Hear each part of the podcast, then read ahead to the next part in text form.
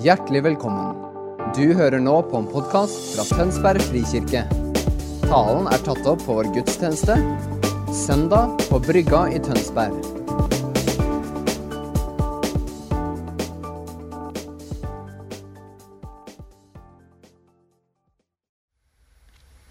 God søndag, alle sammen. I dag så tenkte jeg det finnes ingen bedre måte å starte denne talen på enn en liten sang sammen med dere. Så stemmer.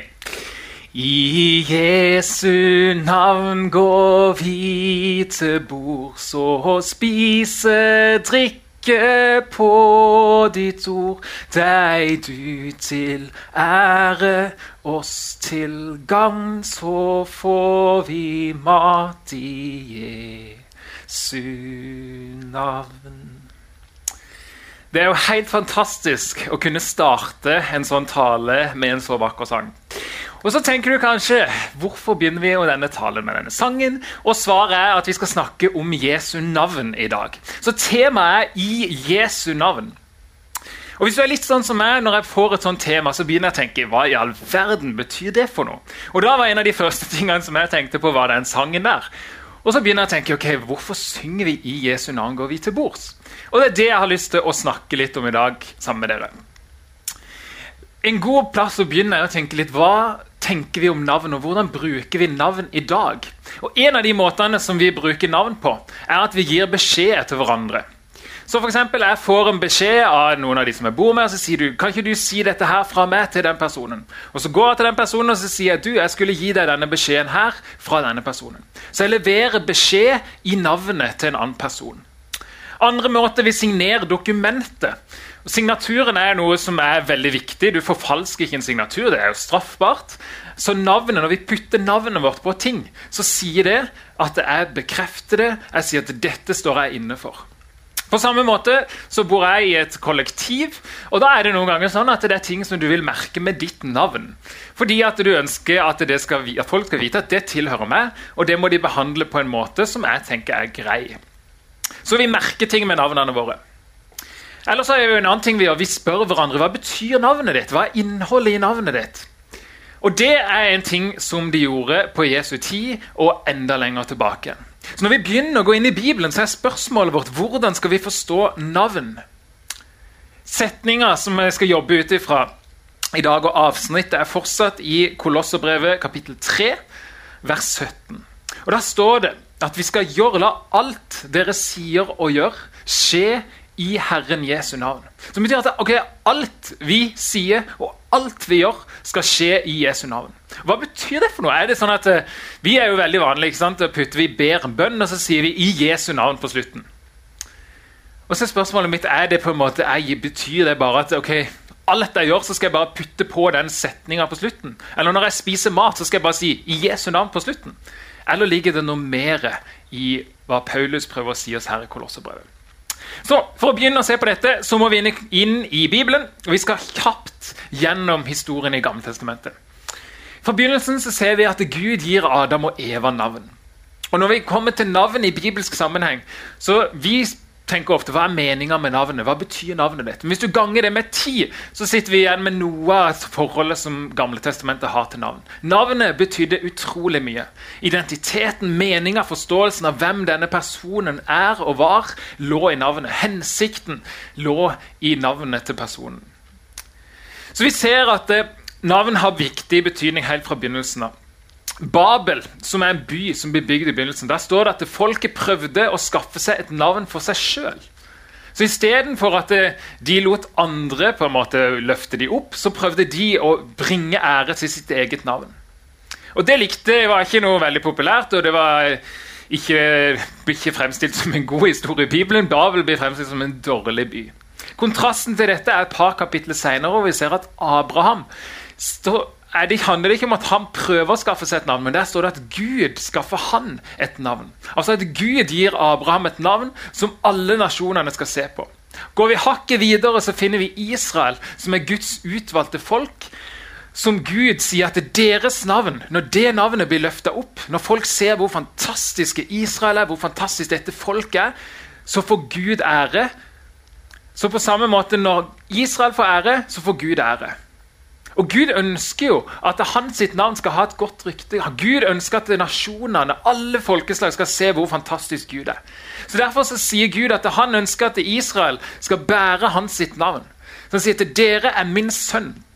På samme måte som at jeg representerer på, på et vis min far. I hvert fall mer når jeg var yngre. så Hvis vi var en plass og, og jeg kommer på besøk til noen og så oppfører jeg meg som en dust, så gir jeg litt sånn dårlig rykte til hele familien. Og vi representerer vår far eller vår familie med den vi er. Og På samme måte så sier Gud at Israel, dere skal være mitt folk, og jeg knytter dere og holder dere så tett til meg. Og jeg tør og er villig til å ha dere så tett til meg at når folk ser dere, så ser de meg. Og jeg er villig til å sette ryktet mitt på spill for at denne kjærligheten og intimiteten skal være så nær med dere. Og Det skaper en del utfordringer. Og Da må vi gå til en av de sentrale tekstene eh, som handler om navn. og Det er i andre Mosebok, i kapittel 32-34. Og Da er historien om Moses og gullkalven. Eh, og Den har sikkert noen av dere hørt, men poenget er at Gud har dette folket sitt som han har utvalgt, og som han ønsker, som han oppdrar, og som er som Guds barn, og som skal bringe velsignelse og godhet til hele verden. Og De inngår en sånn pakt, et partnerskap, et slags form for ekteskap eller nær relasjon med Gud i ørkenen. Eh, og Så inngår de dette, og nesten i, liksom, i selve seremonien, i ekteskapsseremonien, kall det det, da, så finner vi at folket på en måte snur ryggen til Gud. Før nesten dette partnerskapet har begynt, så driter de på draget. De lager sin egen gud og tenker at Gud, du skal være som denne kalven, og de bygger denne gullkavlen, og det er krise fra dag én, egentlig. Gud er selvfølgelig nådig, så han tilgir dem eh, og er god mot dem og viser dem omsorg og tilgivelse. Og Så finner vi denne situasjonen hvor Moses spør Gud Gud, spør han, kan du vise meg din herlighet? Og Så svarer Gud at han skal gi han, han skal åpenbare sitt navn for Moses. Og Da må vi huske på igjen, ok, hva betyr det? Det er jo ikke så for I vår kontekst ok, jeg skal si hva jeg heter, for noe, det betyr ikke så veldig mye. Men i den konteksten så betyr det at jeg skal fortelle deg hva mitt vesen er, hva min karakter er, hvem jeg er. Jeg skal si og vise deg min ære, min herlighet, Moses. Jeg skal åpenbare for deg. Og så Når vi kommer til det litt, et par vers seinere så ser vi at Gud åpenbarer navnet sitt, som er Javé. Eh, og Det er det aller mest siterte verset i hele Bibelen. Jeg har lyst til å lese det for oss. Det står i 2. Mosebok kapittel 34, vers 6. Herren gikk forbi ham og ropte. Herren er Herren. En barmhjertig og nådig Gud, sent til vrede og rik på miskunn og sannhet han holder fast på sin miskunn i tusen slektsledd og tilgir synd, skyld og lovbrudd. Men han lar ikke den skyldige slippe straff. For fedrenes synd straffer han barn og barnebarn og tredje og fjerde slektsledd. Nå er det viktig å huske på okay, hva er konteksten til dette verset. Konteksten er at Gud har gitt og sagt til folket sitt at dere skal være mitt barn. Jeg knytter meg så tett som det er mulig å knytte meg til dere. Som en far og et barn er knytta til hverandre. Så tett ønsker Gud å være knytta til folket sitt. Og så er Utfordringa at dette folket de oppfører seg som noen idioter fra dag én. Og Når vi ser på dette verset, som vi akkurat har lest, så de første i begynnelsen så står det at Gud er nådig, Gud er god, Gud er barmhjertig. Og så, midt i dette, så står det Men han lar ikke den skyldige bare gå. Gud er altså rettferdig. Og siste delen av verset så sier han at Gud straffer, Gud lar konsekvensene for de som gjør noe vondt og ondt, komme over dem. Og Det er denne tensionen som vi finner, ser Gud er i, i hele gamle testamentet. Vi ser en tension mellom at Gud sier at han skal ta vare på folket sitt, han skal være gode med dem, og så er tensionen at han samtidig må være rettferdig og vise konsekvenser, og ikke bare la de gå uskyldige når de oppfører seg som noen dumminger. Og Dette er en utfordring, for hvis Gud velger å ikke gjøre noe med Israel sin ondskap, så sier han egentlig til alle de andre nasjonene og alle andre som ser på denne situasjonen, så sier Gud til dem at ja, men jeg bryr meg ikke om jeg bryr meg ikke om ondskap. Ja, Det går greit. Trenger ikke å gjøre noe med det. De kan bare være så onde de vil. Jeg tilgir dem med en gang. Hele poenget er at Gud er nødt til å gjøre noe med konsekvensene. Han er nødt til å ta tak i ondskap. Ellers så fremstår han som en gud som bare ikke bryr seg om ondskap. samtidig som han er barmhjertig. Og Denne tensionen eller konflikten finner vi løst i Jesus. Jesus kommer og han tar på seg disse konsekvensene. Han tar denne straffen og alt i disse konsekvensene for det dumme som de har gjort. tar han på seg og løser på en måte mye av denne konflikten og tensionen som har vært opp igjennom. Ok, Det var mye Gammeltestamentet. Nå skal vi kort se på hvordan Jesus på en måte kobler dette her, og hva det betyr for oss. Jesus sier sjøl at i Johannes 14 så sier han og det dere ber om i mitt navn, vil jeg gjøre. Så Faderen skal bli æret gjennom Sønnen. Dersom dere ber meg om noe i mitt navn, vil jeg gjøre det. Poenget her er at Jesus sier at hvis dere ber om noe i mitt navn, så får han sitt navn ære. Så når Jesus sitt navn blir løfta opp, så blir Gud sitt navn løfta opp. På samme måte som når Israel sitt navn ble løfta opp, så ble Gud sitt navn løfta opp. Enda enklere for oss å forstå at Hvis jeg hadde hatt et barn, og hvis mitt barn hadde vært suksessrikt, så hadde det pekt suksessen hadde pekt tilbake på meg som far. Og hadde vist 'wow, for en god far du har'. Så Jesus blir på en måte åpenbaringa av Guds navn. Han viser hvem Gud er. Og det sier han i Johannes 17, 6, så sier Jesus at 'jeg har åpenbart ditt navn' for de menneskene du ga meg fra verden. Så Jesus har åpenbart hva Guds navn virkelig er. I Hebreerne 1,3 står det jo at han, altså Jesus er utstrålinga av Guds herlighet og bildet av hans vesen. Ok, Nå har det vært mye sånne ord, og nå skal vi bli litt mer konkret. Eh, og en måte å møte dette i Jesu navn-perspektivet på. Vi kan si at det som står i Kolossene 3.10, er et fellesskap som er forma ut ifra Guds karakter. Hvis vi ser I Kolossene 3.10 så står det at dere er Guds utvalgte, helliget og elsket. Hvem var det som var Guds utvalgte? Jo, det var Israel som var. Nå er det vi som er. Det står at vi skal ha inderlig medfølelse for hverandre og være gode og milde mot hverandre. Og Hvem var det som begynte det? Jo, det var Gud som sa at min karakter, mitt navn, det er å være kjærlig å være god og vise barmhjertighet mot hverandre. Vi skal være tålmodige, sier Paulus, og bære over med hverandre og tilgi hverandre. Hvem var det som begynte det? Jo, det er Gud som sier det. Når han åpenbarer sitt navn, så sier han at Gud er nådig, og han tilgir synd. Han er sent til vrede. Og Så avslutter Paulus i Kolossene 3 med å si la alt dere gjør, skje i Jesu navn. Og Det er en tydelig kobling her til at Jesu navn er åpenbaringa av hvem Gud er, av hans sitt navn. Utfordringa med dette er at vi fort, og meg fort inkludert, går til en veldig sånn ok, hvordan skal dette bli konkret? Hva er dette for noe? Hvordan skal vi forholde oss til dette?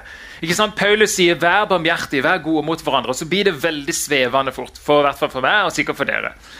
Eh, og For meg så hjalp det med en illustrasjon med lekeland. Se for deg at du tar med deg familien til lekeland hvis du har familie, og så sier du til barna før de går inn i lekeland Si, ikke sant? Vær gode med mot hverandre, ta vare på hverandre. Dere er fantastiske, dere er mine elskede barn. Oppfør deg, ikke dytt de som er, står på kanten. Ikke slå folk. Vær snille med alle som er der. Husk på at dere representerer familien vår. Og så sender dere de inn i lekeland. Problemet er at disse barna det er ikke konkret nok hvis du begynner virkelig å tenke over det. Hva betyr det å ikke dytte noen i lekeland? Betyr det at du ikke kan liksom, dytte dem hardt? Betyr det Kan du ta på dem? Kan du presse dem ut av veien hvis de står foran deg? Betyr det at du kan dytte dem hvis de har lyst til å dytta? Hva med hvis du lekeslåss med noen? Kan du dytte dem da? Eller hvis du ser på ok, hva betyr det å være gode mot noen, som foreldrene sa til ungene sine. Betyr det at de må kjøpe is til alle sammen? Betyr det at de må si gode ord til folk overalt hvor de treffer dem? Hva betyr egentlig dette? Det blir veldig diffust fort. Og det gjør det for meg i møte med Paulus sine ord her. Så hvordan skal vi forstå alt det? For meg så lander de at for å forstå disse tingene så må vi begynne å tenke det å gjøre noe i Jesu navn. Det handler om å reflektere ut ifra ok, Jesus, hva gjorde du? Hvordan levde du ditt liv, Jesus? Og hvordan kan jeg leve mitt liv Jesus, i lys av ditt liv? Hvordan kan jeg komme inn Nå er ikke dette et lekeland, som jeg, men det er ikke så langt unna. Men hvordan kan denne verden som jeg lever i, Hvordan kan jeg representere Gud på en måte? Jeg får noen, noen veiledninger, men de er ikke på langt nær konkrete nok til å kunne si meg hvordan jeg skal leve livet mitt. Så jeg trenger fortellinger fra begynnelsen av historien med Adam og Eva, og hvordan Jesus kom og oppfylte hele den historien. Jeg trenger å reflektere og se på livet mitt i lys av den historien. Hvor Jesus er senteret. Og helt konkret så er et bilde som har hjulpet meg, som et kunstgalleri.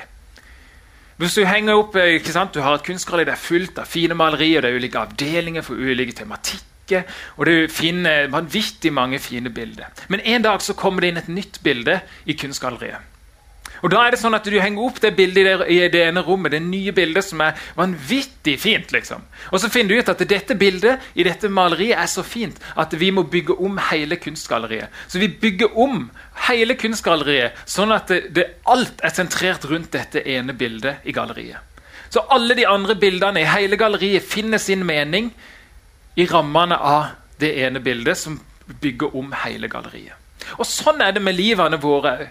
At Når Jesus kommer inn i livene våre, så betyr det at alt må omorganiseres rundt Jesus sitt liv. Det er ikke bare Jesus sine ord som sier 'vær gode mot hverandre'. Men hva betyr det? Nei, Jeg må se på Jesus sitt liv. Hva betydde det i Jesus sitt liv? Hva betydde det med tilgivelse i hans liv? Hvordan kan jeg omorganisere mitt liv, sånn at alt jeg gjør og tenker og sier, skjer i Jesu navn med utgangspunkt i hans sitt liv? Og Et konkret eksempel helt til slutt er at jeg kjøpte nye skøytesko en dag. Eh, og så er det veldig fint. Jeg tenkte, tenkte skøytesko og hadde noen klassiske sko fra før av. Eh, og så innså jeg og begynte å tenke over det når jeg hadde kjøpt de skoene. Men trengte jeg egentlig de skoene? Hvorfor vil trenge egentlig de skoene? Tenk på alle de folkene i de andre landene som ikke har ett par sko. Jeg, ha, jeg har to par skisko. Ett for skøyter og ett for klassisk. Og så begynte jeg å tenke Men Jesus, utgangspunktet i ditt liv hvordan, hvordan, kan jeg reflektere rundt denne tematikken her med at jeg kjøpte disse skøyteskoene, som på en måte er en banal ting, men hvordan kan jeg reflektere med det, Jesus, ut ifra ditt liv? Og så handler ikke dette om skulle jeg kjøpt de eller skulle jeg ikke kjøpt de. Men det handler om hvordan bruker jeg økonomien min, hvordan bruker jeg pengene mine. Når jeg handler ting, tenker jeg bare på mitt eget, eller reflekterer jeg ut ifra økonomien min, som er til for noe flere enn meg sjøl. Og Spørsmålet mitt er ikke skulle jeg kjøpt de eller skulle jeg ikke kjøpt de. Men spørsmålet er reflekterer du ut ifra de valgene som du gjør ut ifra Jesu liv. Gjør du alt og du sier og gjør i Jesu navn med utgangspunkt i Jesus? Er det han som er senter? Jeg har lyst til å be til slutt. Jesus, jeg takker deg for at det er du som er sentrum i livene våre. Jeg takker deg for at det er ut ifra ditt liv ut ifra din historie som vi reflekterer og som vi lever livene våre, Jesus. Og Det handler ikke så mye om alltid å forstå hva som er rett og hva som er galt, men det handler om å kunne reflektere og kunne se ut ifra ditt liv, Jesus, hva som er godt og hva som er ondt. Og Jeg ber nå for hver eneste en av oss at vi skal få se og kunne reflektere og kunne handle i ditt navn, Jesus. Amen.